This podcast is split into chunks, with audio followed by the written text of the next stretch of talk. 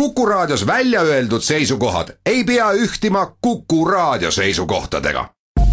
Te kuulate Kuku Raadiot.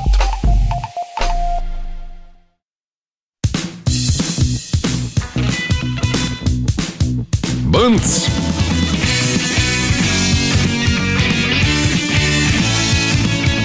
Põnts. tere, head kuulajad! Tänases saates Põnts keskendume maksude teemale, me räägime natukene noh, no aktsiisimaksude tõusust Eestis ja sellega väidetavalt kaasnevast tohutust mitte natukene, vaid kolmkümmend kaheksa minutit. äh, jah, natukene aktsiisist, natukene noh, kütusest, alkoholist, tubakast ja siis ka autode erisoodustus, firmaautode erisoodustusmaksurežiimi muudatustest. meiega on saates Dmitri Jegorov, kes on Rahandusministeeriumi asekantsler, mina olen Huko Aaspõllu ja teine saatejuht Janek Luts. aga alustame siis nagu sellisest üldisest pildist, et äh, kuidas andmed näitavad, on meeletult langenud siis äh, no vähemalt Esim- nii on väidetud, et esimese jooksul et alkoholiaktsiisi tõus, tubakaaktsiisi tõus äh, ja, ja kütuseaktsiisi tõus kohe-kohe lööb äh, riigieelarve uppi, sellepärast et ega aktsiisid on sotsiaalmaksu ja käibemaksu järel üks olulisemaid tuluallikaid riigil. Jah, sellest on äh, räägitud küll, küll mitte tubakaaktsiisist nii palju, aga jah, alkoholiaktsiis ja kütuseaktsiis on olnud äh, teemaks. Äh, paraku statistika, mis meil on olemas, seda ei kinnita. Et nojah, paraku siis kas jutumärkidega või, või, või ilma, kuidas kellele ja, ja mul on äh, just tund aega tagasi küsitud andmed äh, Maksu- ja Tolliametist, et ka juulikuu laekumised äh, on olnud plaanipärased. nii et äh, need äh, mustad stsenaariumid äh, vähemalt praeguse seisuga ei, ei kipu realiseeruma. ei no aga kui kuus-kuus seda asja siiski vaadata, et erinevate aktsiisilaekumistega me näeme noh, märtsis, aprillis, mais, juunis äh, märgatavat langust, eks ole, allapoole eelmise aasta taset, aga see on noh, see, see on see millisest, millisest tooterühmast sa räägid? ei, ma räägin näiteks alkoholiaktsiisi laekumisest, no seal on lattu sisse osta. jaa, of course, et aga see ongi see koht, millest siis inimesed järeldavad Do you speak english? of course kütuseaktsiisist rääkides võib äh, täpselt samasugust trendi näha, et, et tubakas, tubaka on kõik korras, et selles mõttes, et äh, see, mis oli prognoositud, see laekub täpselt samamoodi hästi, et seal nagu neid, neid äh, vahesid väga ei ole, aga jah, et, et mis puudutab alkoholiaktsiisi, siis me ise näeme statistikast, et, et see varumine, mis äh, iga kord toimub enne, enne aktsiisitõusu, on olnud see aasta isegi suurem, et ja kui rääkida näiteks sellest, et, et äh, intressid on, on negatiivsed, et siis on suurepärane hoius, et, et ostad, ostad alkoholi ja siis äh, müüd seda vana maksumääraga maksustatud alkoholi siis, kui alkoholi hinnad on tõusnud. soovitad inimestele investeerida alkoholisse, ma saan aru siis? ei no mis ma soovitan, selles mõttes, et, et äh, tootjad ja, ja, ja kauplejad on seda juba teinud ja, ja meieni on kostnud info, et, et mõni äh, jaekett on, on varustatud rohkem kui aastaks ajaks äh, viinaga. Dmitri Jegorov, kui kui te ise vaatate seda suurt pilti, siis äh, kuna võib tegelikult öelda äh, nii-öelda väga selgelt, et jah, see sellised äkilised maksu, või aktsiisitõusud äh, mõjutavad siis äh, ühte või teistpidi äh, inimeste käitumist või siis tõesti, kas see käitumine siis, et tarbimine väheneb või siis seda hakatakse tooma salakaubana või seda hakatakse tooma piiririikidest, kus, kus see on odavam, et see, et see käitumine nagu reaalselt ka peegelduma hakkaks, sest praegu me räägime poolest aastast, pool aastat ei ole äh, nüüd ütleme, väga selge äh, selline selge pildiga nägemus, et noh, et, et kas midagi muutus või ei muutunud, aga kui me vaatame tagasi ajas, ega tubaka puhul on tõusud olnud järsud, alkoholi puhul on olnud järsud tõusud, mida ütleb siis ka maailmakogemus? aasta, kaks, kolm tegelikult, tegelikult on niimoodi, et, et meil on isegi vähem kui poole aasta andmeid, sellepärast et, et noh, kui rääkida alkoholiaktsiisi tõusust, siis oli esimene veebruar. Nii et ja, ja kuni eilseni meil oli, meil oli siis kõigest nelja kuu äh, andmed. ja, ja tänu varudele on see pilt ongi nagu moonunud, väga raske on, on ennustada. aga kui me räägime näiteks sellest, mis on äh, noh, näiteks alkoholiaktsiisi puhul, mis on nende aktsiisitõusude eesmärk, siis neid on kaks, loomulikult üks, äh, mille eest seisab rohkem Rahandusministeerium, on eelarve eelarve laekumised ja, ja teine, mida esindab äh, rohkem Sotsiaalministeerium, ehk siis mis saab meie tervisest, et, et rahva tervis. ja näiteks äh, Konjunktuuriinstituudi statistikast me teame, et äh, alkoholi tarbitaksegi vähem, nii et selles osas on mul hea meel tõdeda, et, et siin nagu riigis tervikuna nagu on üks ju, on üks eesmärk, et, et et rahva tervis ikka, ikkagi oleks kaitstud ja seetõttu ma saan näiteks ka härra Ossinovski, minister Ossinovski murest, et, et kui me näeme seda, et laekumisi ei ole, aga alkoholi nagu justkui ostetakse nagu rohkem, siis rahva tervise eesmärk loomulikult ei ole täidetud. aga jällegi, see, see, see paraku jutumärkides, see, see ei vasta tõele, et inimesed tõepoolest tarbivadki vähem. see, mis toimub Valka, Valga, siis teie väidate, et see ei mõjuta mitte kuidagi praegu laekumisi ja, ja tegemist on sellise meediamulliga või? Ei, seda ma kindlasti ei ütle, et ta üldse ei mõjuta, mõjutab küll, aga lihtsalt eh, kui, kui siin liiguvad hirmujutud sellest et, et kakskümmend protsenti Eestis tarbitavast alkoholist kangest alkoholist nüüd, ütlesid muidugi eh,. jah, et, et, et see tuleb nüüd Lätist, siis no need on ikkagi meeletud kogused ja loomulikult tuleb vaadata nagu millest räägitakse, et võrreldakse Läti piiriäärsete poodide müüki Eesti tarbimisega, Eestis tegelikult müüakse kaks korda rohkem kanget alkoholi, kui Eestis tarbitakse. meil on Soome faktor ikkagi nagu päris jõuliselt teeme sees. soomlastele sama, mis lätlased teevad meile? Äh, no me teeme soomlastele ikka rohkem kui lätlased meile jaa, meie alles hakkasime nii-öelda, või lätlased alles hakkasid meile seda tegema, et meie oleme soomlastele seda teinud põhimõtteliselt üheksakümnendast saadik tegelikult point on selles, et äh, ega, ega väga äh, põhjust ei ole sinna piirile sõita, et me Maksu- ja Tolliameti abiga tegime seda, seda arvutust äh, ja sisuliselt selleks, et saada maksimumkoguse pealt seda säästu, arvestades veel ka bensiini hinnaga mille aktsiisi te ka tõstsite kuus tundi tuleb sõita sinna ja tagasi selleks, et saada kaksteist eurot no tingimusel, et ostetakse kahesaja euro eest? jaa, jaa, selles mõttes, et kakssada eurot tuleb veel välja käia selle laadungi eest no mõned inimesed kindlasti teevad seda ja inimesed, kes elavad lähemal piiril, teevad seda suurema tõenäosusega no,. absoluutselt, ja need, kes käivad Riias võib-olla näiteks see, nagu puhkamas, jah. see, et see võib mõjutada äh, nüüd ütleme siis Lätile lähemal olevat äh, Eesti kaubandust ja kaubandusvõrku, et, et, et seda me kindlasti eitada ei saa, sest mingi kindla osa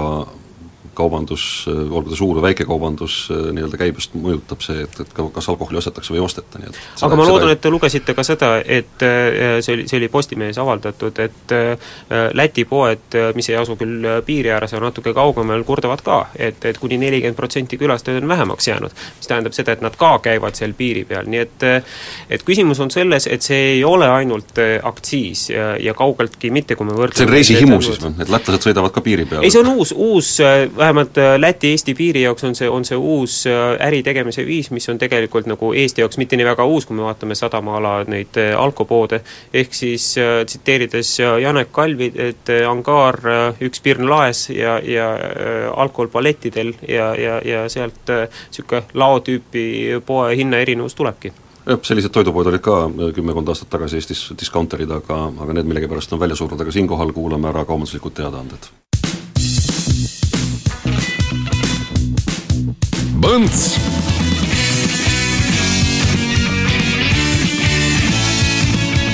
Põnts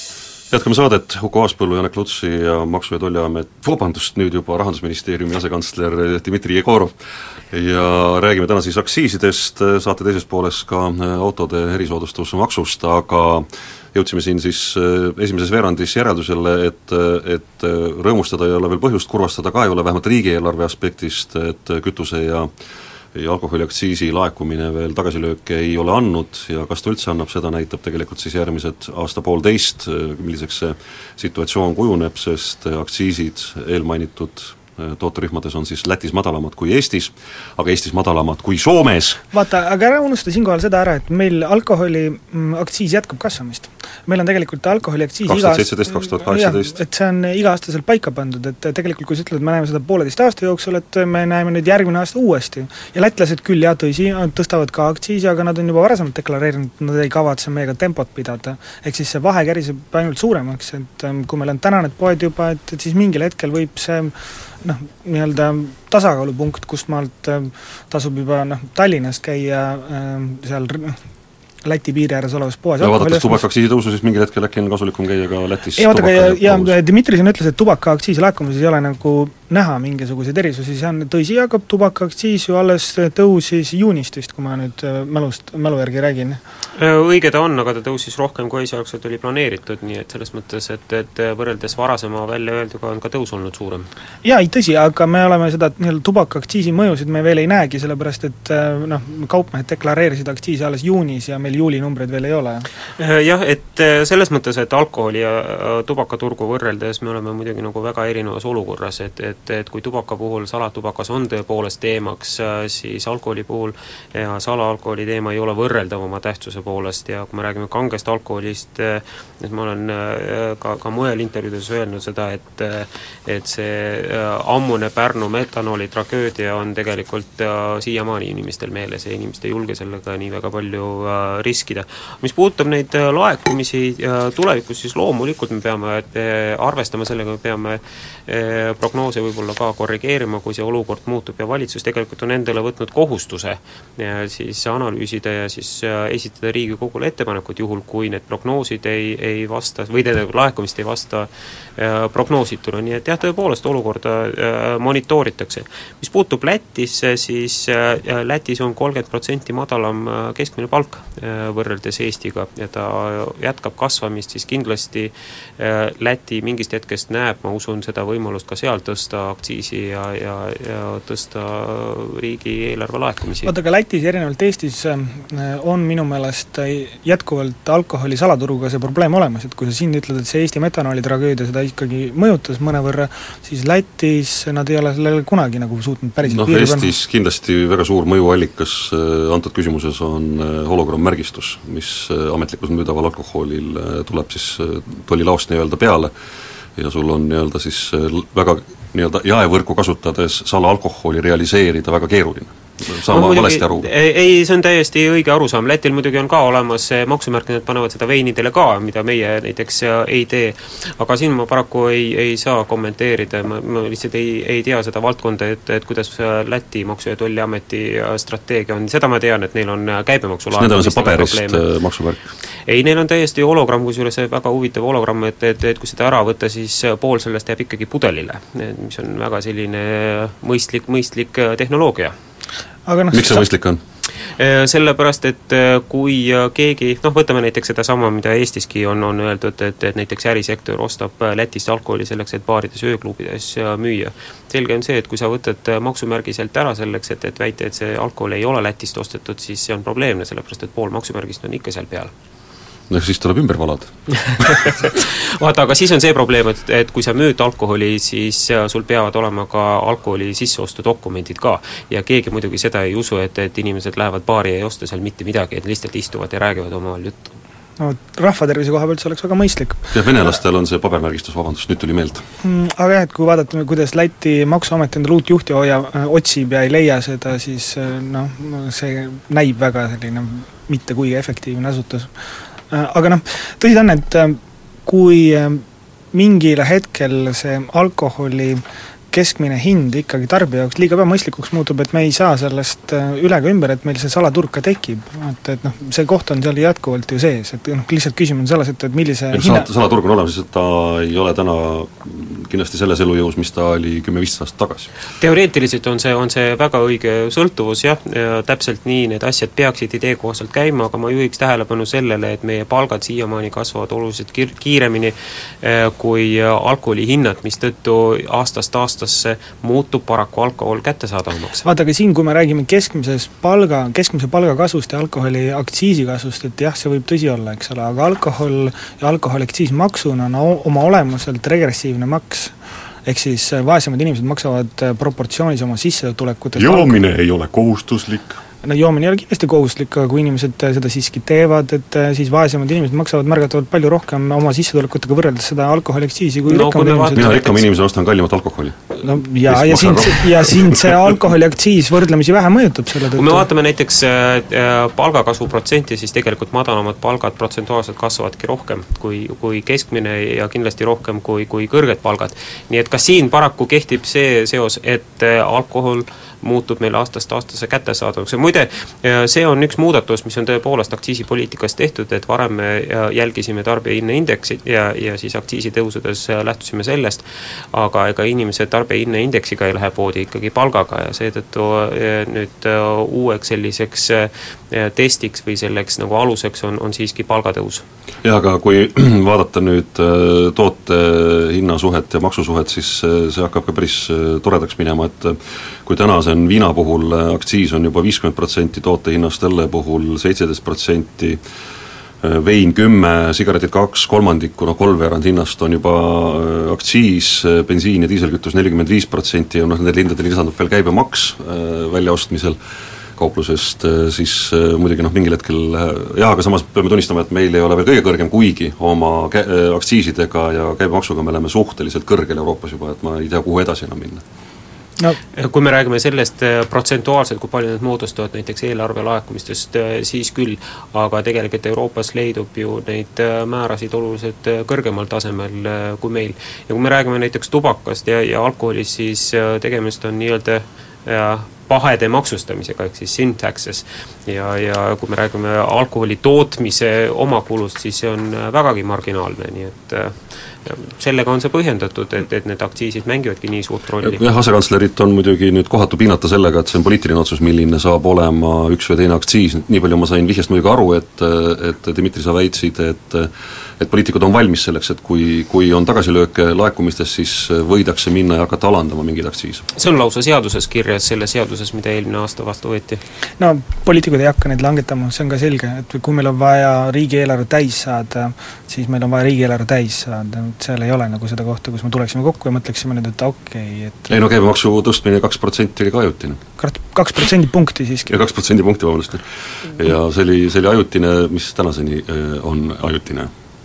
küsimus on selles, et kui me ja jälgime seda, et Eesti maksukoormus ei oleks üle kolmekümne kahe, kolmekümne kolme protsendi ja, ja meil on ridamisi otsestes maksudes neid soodsaid otsuseid, siis kusagilt tuleb eh, selle rahaga kompenseerida, või siis eh, variant on see, et meie maksukoormus tõepoolest langeb ja, ja Eesti riik peab vaatama, et milliseid kulusid ta, ta kärbib, et milliseid kulutusi ta jääb tegemata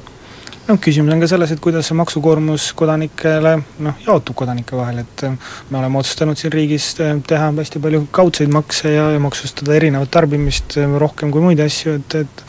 siis noh, see ongi see poliitiline otsus. Absoluutselt, nii see on. Ja, ja kui me vaatame näiteks äh, seda, et äh, Eestis on äh, alla kahekümne protsendi suhtelises vaesuses, siis selge on see et, et kaheksakümmend protsenti saab hakkama, mistõttu kui maksude kaudu hakata kedagi soodustama või toetama, siis me paratamatult toetame ka kaheksakümne protsendi ulatuses neid, kes seda toetust ei vaja.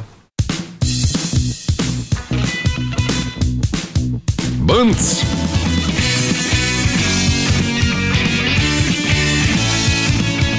Põnts.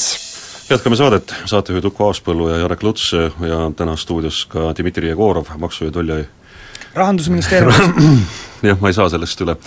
aga Rahandusministeeriumi asekantsler, kes küll ja vastutab äh, maksu- ja, ja tollipoliitika eest ja rääkisime saate esimeses pooles äh,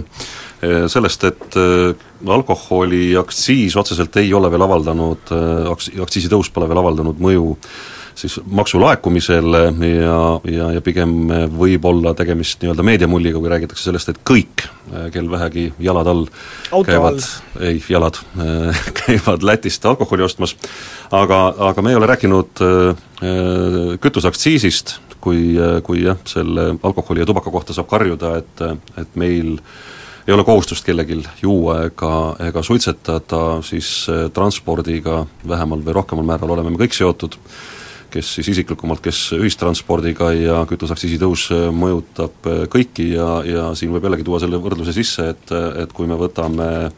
sellise toote, nagu seda on kütus, siis proportsionaalselt tõuseb, tõusis see hind ju kõigile ühtemoodi, aga inimese sissetulekust vastavalt sellele, kas ta on suurema või, või madalama palgasiilu juures mõjutab siis ka tema sissetulekut, õigemini siis väljaminekut, sissetuleku osa väljaminekutes seal on paar kohta muidugi sees, esiteks, et kuivõrd meil on maailmaturul kütuse hind olnud noh, niisugusel langustrendil üldse energiahinnad maailmas, et siis tänu sellele, tarbimine on all? Äh, et selle, jah, et selle tõttu ei ole kütuseaktsiisi tõus sellist mõju avaldanud, et noh, inimestele, nagu ta oleks teinud seda võib-olla kõrgemate kütusehindade juures või kasvavate kütusehindade juures, ehk siis see kasv tahad sa endale ette kujutada, milline on kütuse hind Eesti tanklas, kui äh, toorbarrell tõuseb jälle kuskile saja neljakümne dollari juurde, selle aktsiisiga, mis meil praegu on? No kindlasti on ta kõrgem kui praegu, aga kui me vaatame seda, et, et kuhu on hind langenud siis ja võrdleme sellega, kui palju on tõusnud aktsiis, siis äh, hinnad võrreldes kõrg, kõrgaega on kakskümmend, kakskümmend viis protsenti madalamad, samas see aktsiis on tõstnud äh, hinda äh, viis kuni seitse protsenti ja kui me vaatame seda, kui palju kütust läheb äh, sisendina, tootmissisendina, siis tegelikult mõju tarbijahinnaindeksile võib olla piiratud tõesti nagu ühe-kahe protsendiga, võib-olla kaks on, on üle, üle pingutatud ja samas me teame ju seda, et kütus otse on ju ka tarbijahinnaindeksis, nii et, et sellise langusega kakskümmend, kakskümmend viis protsenti ta, ta avaldab seda tasandavat äh, mõju ja äh, tegelikkuses äh, väga, väga suurt mõju tõepoolest statistikas ei ole näha. kui me räägime näiteks riigieelarve laekumistest, siis see olukord on, on võrreldav alkoholiaktsiisiga, ehk siis tõepoolest noh, ma ei, kas, kas nüüd just hirmutatakse, aga igastahes nagu informeeriti sellest, et, et mõned firmad on otsustanud hakata tankima mujal,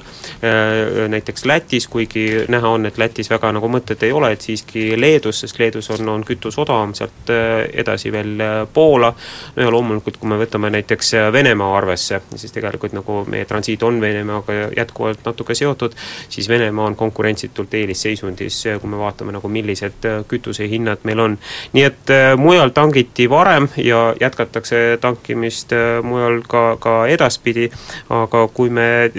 eeldame näiteks, et juulist alates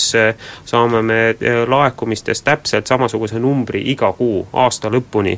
siis ikkagi prognoos tuleb täis üheksakümmend seitse, üheksakümmend kaheksa protsenti, nii et et, need jutud, et, et kõik on nüüd äh, joo-, joovad Lätis ostetud alkoholi ja, ja tangivad Lätis, äh, see ma nüüd ütlen õigesti, see õnneks ei vasta, ei vasta tõele. paraku ei vasta no, vaata, kui see, noh, see narratiiv on jah õhus, et see lugu on õhku visatud, et äh, kuidas nüüd suured rekkafirmad käivad kõik Lätis tankimas, aga ja, ja me näeme seda osaliselt diislikütuse aktsiisi laekumise pealt, noh, justkui. aga ma ei ole nagu selles sada protsenti kindel, et ma, ma tean, et eh, ega keegi vist väga ei saa olla, aga noh, näiteks kui võrrelda bensiiniga, et bensiini, bensiini puhul meil ei ole mitte midagi sellist näha. et eh, seal võivad olla ka mingisugused muud mängud sees, me oleme siin ju rääkinud raske kütteõli eh, diisliks segamisest, eks ole,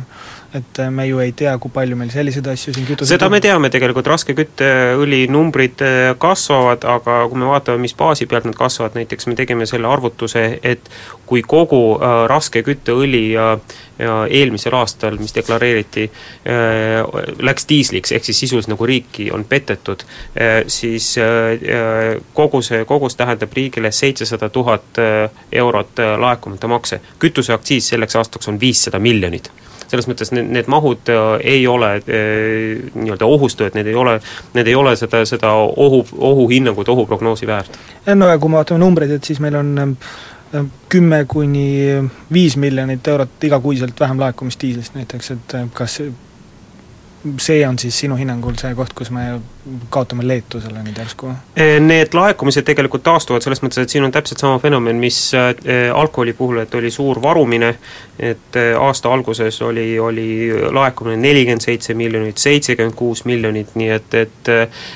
paljud autofirmad siis varusid endale seda soodsamat kütust, mis hakkab nüüd otsa saama ja sellepärast kuised laekumised nii-öelda tasapisi taastuvad et no. summa summarum praegu midagi muutunud ei ole, aga siiski tuleks selle küsimuse juurde tagasi, et äh, kas kütuseaktsiisi puhul kehtib siis samasugune põhimõte, nagu enne sai öeldud, et seaduses kirjas, kui äh, vaja, siis poliitikud otsustavad, et see langeb, sest me ei saa välistada, et äh, näiteks aasta pärast istume siinsamas ja kütuse hind on maailmaturul sada nelikümmend dollarit barrelist, mitte nelikümmend dollarit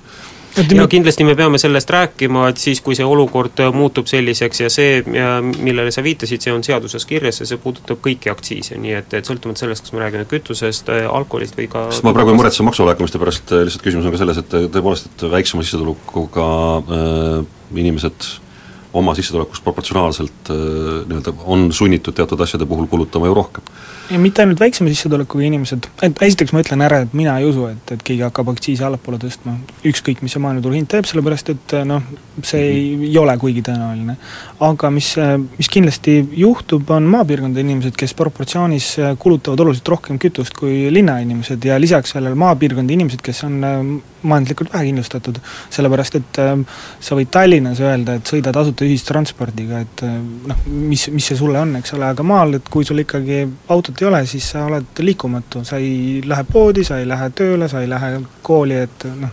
see on hoopis midagi muud. ma muidugi peast nüüd ei oska seda, seda seletuskirja, seaduse seletuskirja tsiteerida, aga seal oli eraldi äh, osa, mis rääkis äh, just maapiirkondadest ja, ja regionaalpoliitikast ja ja muidugi minu jutt jääb praegu nagu natuke paljasõnaliseks, aga, aga sealt äh, punaseid lippe üles ei tulnud ja me ei tohiks unustada, et, et meie urbaniseerimise määr, ehk siis kui palju linnades elab inimesi, on üle seitsmekümne protsendi, nii et tegelikult nagu enamus nagu auto kasutajatest on siiski linnades.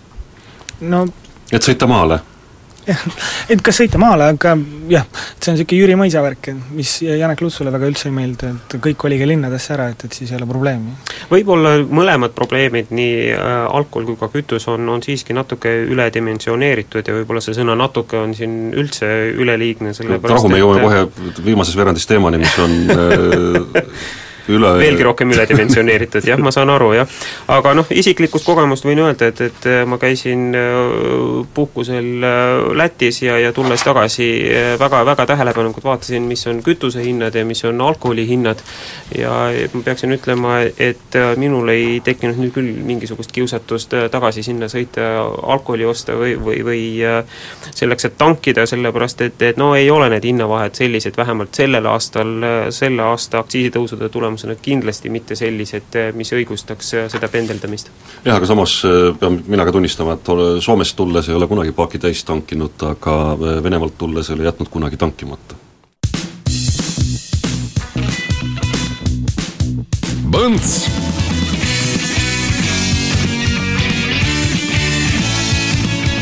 Põnts jätkame saadet, Uku Aaspõllu, Janek Luts ja Dmitri Jegorov, Rahandusministeeriumi asekantsler maksu- ja tollipoliitika alal. ja me oleme siis ära kuulanud nüüd asekantsleri selgitused, kuidas on läinud esimene poolaasta, kui meil on kütuseaktsiis alkoholis tublisti tõusnud ja äsja tõusis ka tubakaaktsiis, aga elame-näeme, mis tubakaaktsiisiga saab, mannas siis asekantsler meile väga positiivse pildi, milline see tegelikkus saab olema, eks aasta lõpp näitab aga maksulaekumised praegu siis eh, ei kinnita seda, mida, mida on eh, püütud siis eh, ette manada seoses sellega, et Lätis on mingid tooted odavamad, aga tõe kriteerium on praktika. maksud ja surm, kaks kindlat asja, viimane teema, nagu sai mainitud juba, on üledimensioneeritud, aga see puudutab siis ametiautod, erisoodustusmaksustust. ja, ja mitut autot Eestis, Dmitri Jegorov, see puudutab? Äh, väga huvitav küsimus, et äh, sellepärast me selle probleemiga tegelemegi, et saada äh, teada, mitu autot Eestis on et meil on mõned autod kadunud, ütleme niimoodi, et, et me teame Maanteeameti statistikast, et ettevõtete nimel on näiteks seitsekümmend seitse tuhat autot registreeritud. samas on nendel, kes ostnud autod ettevõttele, kohustus deklareerida, kas nad kasutavad seda autot ettevõtluses või lubavad nii, nii-öelda segakasutust, ehk siis eratarbimisest. ja, ja selliselt on deklareeritud siis andmeid kuuekümne kuue tuhande auto eest, nii et umbes kümme tuhat autot on kuskile äh, kadunud samas me teame ka seda, et äh, nelikümmend neli tuhat on äh, segakasutuses, mis tähendab seda, et neid kasutatakse nii tööandja, tööandja tegevusega seotud eesmärkidel kui ka eraeesmärkidel, aga paraku erisoodustust ei deklareerita Äh, siis neljakümne nelja tuhande auto eest. Ja, ja siin ongi üks, üks probleem ka teoreetiline, millega, äh, mida me tahtsime lahendada tegelikult juba ammu, on see, et praegu kehtib meil üks ja ainus maksukohustus, kakssada viiskümmend kuus eurot on see hind, mille pealt tuleb tasuda maksud, juhul kui autot kasutatakse eraotstarbel ja mis probleem siin on, on see, et ei ole üldse oluline, millist autot kasutatakse. et kõige odavam auto versus kõige kallim auto, et mõlemal on äh, kakssada viiskümmend kuus ja, ja selle pealt äh, arvutatud summa on umbes sada seitsekümmend eurot kuus äh, nüüd meile, meie sooviks oli siis hakata rohkem siduma auto väärtust nende maksudega, mida auto pealt maksma peab vot minu meelest on kogu sellel teemal see fookus kuidagi hästi palju kaduma läinud. et äh, kui vaadata meediat ja seda, mida inimesed äh, mõtlevad, kirjutavad, ütlevad selle asja kohta, siis äh, noh, autod on ilmselgelt emotsionaalne teema paljude jaoks. esiteks, et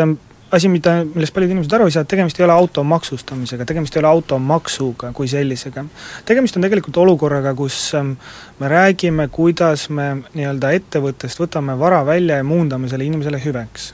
et ähm, kui meil tavaline inimene, kes saab ettevõttest palka läheb ja ostab või liisib endale auto, siis selle raha eest, millest auto liisib, on makstud ära noh, põhimõtteliselt äh, kõik maksud. et äh, lisaks sellele käibemaksule, mida ta selle asja pealt maksab ja mida noh, ettevõte võib pooles mahus tagasi saada, on ka selle pealt makstud ära mm, sotsiaalmaksud, tulumaksud ja kõik, kogu äh, selline asi. ehk siis näiteks me ju keegi ei peaks paljuks olukorda, kus, või ei arvaks, et see oleks kuidagi normaalne olukord, et kus ettevõte annab noh, ma ei tea, eraisi-, eraisikule korteri kasutada ilma sellest noh see ma probleem on ka üleval? ei no, no jaa, või, või noh, toidab, joodab, lennutab ringi, noh et, et kõik need asjad me saame aru, et kui on inimese eralõbud, et siis nad peaksid olema kõik elustiili ettevõte. maksustatud, aga autode puhul me oleme senini mitte seda teinud. ja me oleme maksustanud, nagu Dmitri siin ütles, seda selle fikseeritud summa alusel, ehk siis noh, mis on nagu veel eriti jabur, sellepärast et kui me räägime näiteks luksusautodest, kallistest autodest, siis inimesed tõstavad ettevõttest äh, vara välja niiviisi, et nad maksavad selle eest marginaalselt makse. ja kui me oleme läinud nüüd selle kilovatipõhisele, mida on erinevad automüüjad kritiseerinud ja ma saan aru, miks automüüjad kritiseerivad, sellepärast et selle sammu fundamentaalne noh, tulem on see, et, et autod muutuvad inimestele kallimaks, inimesed ostavad vähem kallimaid autosid, äh, automüüjate käive ka kannatab selle pärast, aga mida nad on autod ei muutu kallimaks muutuvad kallimaks põhimõtteliselt äh, sellele ostjale aga, või no see hüve muutub kallimaks, kui soovid. jah, ütle kätte siis niipidi. sellele ostjale, kes siis makse maksab ja,. jah, jah, et äh, noh, inimesele, kes ostab oma palga eest autot, see, see absoluutselt ei puuduta, ei mõjuta mitte midagi, inimene, kes üldjuhul palga eest luksusautot ei osta? jah, aga üldjuhul aga kritiseerin seda kilovatipõhisust, et äh, ma saan sellest aru, aga, aga see ongi fundamentaalselt jällegi ekslik, et meie ei maksusta siin äh, ju autot kui sellist, me ei maksusta siin saastamist, me lihtsalt ütleme, et kilovatipõhisus on väga tugevas äh, seoses auto hinnaga. ehk siis kui meil on mingisugused seitsmekümne, kaheksakümne kilovatised autod, mis ei ole üldse kõige nõrgemadki, et need on üldiselt ikka väga odavad ja kui me räägime siin mingisugusest saja viiekümnest, kahesajast kilovatist, et siis see on kallis auto, see on üldiselt noh, luksus, luksus luksuslikum ese. räägime sõiduautodest no, jah, no kui me räägi-, ma, ma olen Ukuga nõus selles mõttes, et kui me räägime, tutvustame neid muudatusi, mida me kavandame, siis, siis äh,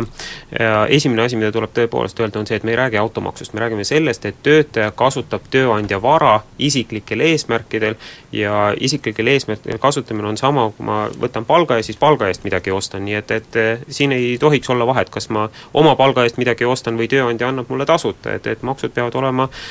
samasugused samasugused. mis veel nagu on olnud probleemiks, on see, et arvestades selle fikseeritud määraga, mis meil siiamaani on, on rakendamisel,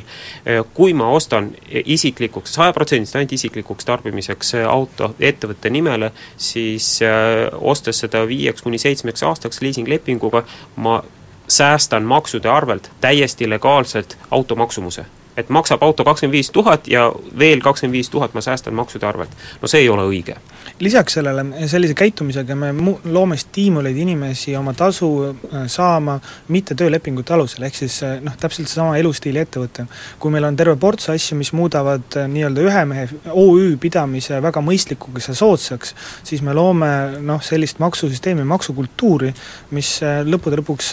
noh, ei mõju meile ühiskonnana hästi. kas ma siinkohal peaksin esinema avaldusega, et vabandame kõikide nende ühe mehe OÜ-de ees, kes tegelikult ongi ühe mehe OÜ-d ja ja nende tegevus ongi seotud ka paljuski autoga sõitmisega. Ei, sa ei pea nende eest vabandama, sa pead neid rõõmustama, sellepärast et kui me vaatame seda, mida Rahandusministeerium, millist ettepanekut on valitsusele teinud, siis äh, seitsekümmend protsenti autodest, äh, mis on praegu juriidilise isiku nimele, nende äh, kuumääraga seotud maksukohustus väheneb. ja, ja kui autod on, on väiksemad, ökonoomsemad, äh, väheneb see kuni kuuskümmend kuus protsenti. nii et, et selles mõttes äh, meil on võimalik tegelikult nagu rõõmusõnumit edastada ka kuni seitsmekümne protsendile ettevõtetest. no kas klaas on pooltäis või pooltühi no päris nii ka muidugi ei ole, et ma saan aru, et seal, seal on ka mingid vahed N1 autode erisoodustusmaksuga nüüd vist või? see on nüüd äh, üks äh, võimalus, et, et kuna N1 on sisuliselt kaubig ja kaubigud praegu ei ole kaetud selle süsteemiga, mille puhul kakssada viiskümmend kuus eurot kehtiks, siis tulevikus antakse neile õigus, kui nad ei taha maksta nii-öelda turuhinna pealt erisoodustusega kaasnevad maksud, siis nad võivad kasutada täpselt samasugust süsteemi ja lähtuda kilovattidest. palavad tervitused kõikidele töökodadele, kes ehitavad Porschedest M1-sid? Need ei ole isegi töökojad, need on tehased, kes neid asju toodavad. Nad tulevad sulle tehase kinnitusega, et nad on N1 Porsched. vastab tõele. ei, aga noh, täpselt nii on aga äh, jah, et äh, kui veel sellest autodest rääkida, see asi, mis inimesi häirib, on mingisugused kleebiste paigutamine, eks ole, mm, ainult äh, et ma, ma korra korraks selle ühe asja ära, et, et see sõidupäeviku kadumine on küll tore, aga no mitte päris kadumine et teatud tingimustel, nagu ma aru saan, tuleb seda ikkagi edasi täita. no see on lahtine küsimus praegu, et, et tegelikult me otsime alternatiive selleks, et sõidupeavikud kaotada absoluutselt, mis tähendaks seda, et nii segakasutuses kui ka sajaprotsendilises ettevõtluses kasutatavate autode puhul. ja selle asemel kleeps ei tundu nii hull lahendus. aga kuidas eraettevõtja puhul üldse öelda, et see oli töösõit või erasõit, kui ta on sisuliselt kogu oma ärkveloleku aja ongi tööl? Jaa, neid küsimusi me oleme kuulnud, et, et kui ma no nüüd kuulsid uuesti? jaa, et kui ma sõidan vanaema juurde Võrumaale ja, ja minu mõttetöö jätkub, et, et ma vastan ka seal kõnedele, siis äh, ma olengi tööl. no sa võid olla kas või Kanaari saartel äh, mõelda, aga see, et sa sõitsid vanaema juurde Võrumaal, on seotud ikkagi sellega, et sul vanaema elab Võrumaal, mitte see, et sul on vaja just Võrumaal seda mõttetööd teha. sõitsin Valka, aga vahepeal pidasin kinni äh, Võrumaal, kus vanaema elab. Ei nojah, see on järjekordne küsimus selles, et kui ma Statoili juures peatust tehes ja kabanossi ostes nüüd sean ohtu oma tööandjat, ei sea, selles mõttes ega sa ei läinud Kesk-Eestisse Statoili kabanossi ostma, vaid äh, sa sattusid sinna sellepärast, et sa Tallinnast sõidad Tartusse tööasja tegema ei no aga lõppude lõpuks, need on noh, hästi toredad mõtted ja hästi toredad küsimused kõik, aga noh, tegelikult mida lahe demagoogia. et mida me üritame siin ikkagi lahendada, on see koht, et kus ei oleks ilmselgelt äh, noh, vähem äh, või halvemas seisus inimene, kes palka saab. no me et tahame inim, ka bürokraatiat vähendada no,. bürokraatia vähendamine ja inimene, kes palka saab, ei oleks halvemas seisus autot soetades, et äh, ta ei oleks halvemas seisus kui inimene, kellel on võimalik oma noh, rahavoogusid kuidagi noh, lihtsamalt juhtida lõplikult muidugi me seda ei lahenda ja, ja Euroopa Komisjon ja OECD mõlemad tunnistavad, et, et on väga-väga vähe riike, kes suudavad maksustada eratarbimist äh, nende autode puhul, mis on juriidilise isiku nimel. nii et ka edaspidi jääb äh, auto soetamine juriidilise isiku nimel soodsamaks Eestis, maksude võrra soodsamaks. Äh, siiski see asi, et kaob ära sõidupäevik ja, ja edaspidi on võimalik oma maksukohustus reguleerida vastavalt sellele, et millist autot sa ostad, minu meelest on see väga positiivne. Ja noh, kaks on ka kindlasti see, et tõenäoliselt meil võib ka mingil hetkel automaksud võivad tulla uh,? Mine tea, poliitilist toetust praegu ei ole. noh, hetkel ei ole, praeguse valitsusega ei ole. Äh, see autode äh, erisoodustusmaksustamise muudat-, muudatused, kuna need jõustuvad, kui üldse? Meil ei ole siin äh, ajalist survet ja rahalist survet ka ei ole, nii et, et me jätkuvalt teeme koostööd kõikide erinevate organisatsioonidega, nii et äh, loodetavasti aastaks kaks tuhat kaheksateist me jõuame, aga siin äh, tõepoolest mingit ajalist survet kui vaadata, kui kiiresti valitsus praegu tegutseb, et siis ma ei oleks väga noh, ja kleepsud tulevad? kleepsud on praegu sees. eelnõus? või noh, selles nii-öelda mõttes? kontseptsioonis, jah nii, aga siinkohal me peame kahjuks saate lõpetama, aitäh kõigile kuulajatele äh, ja, head päeva!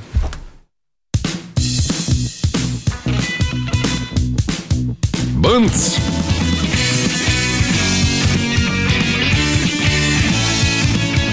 Põnts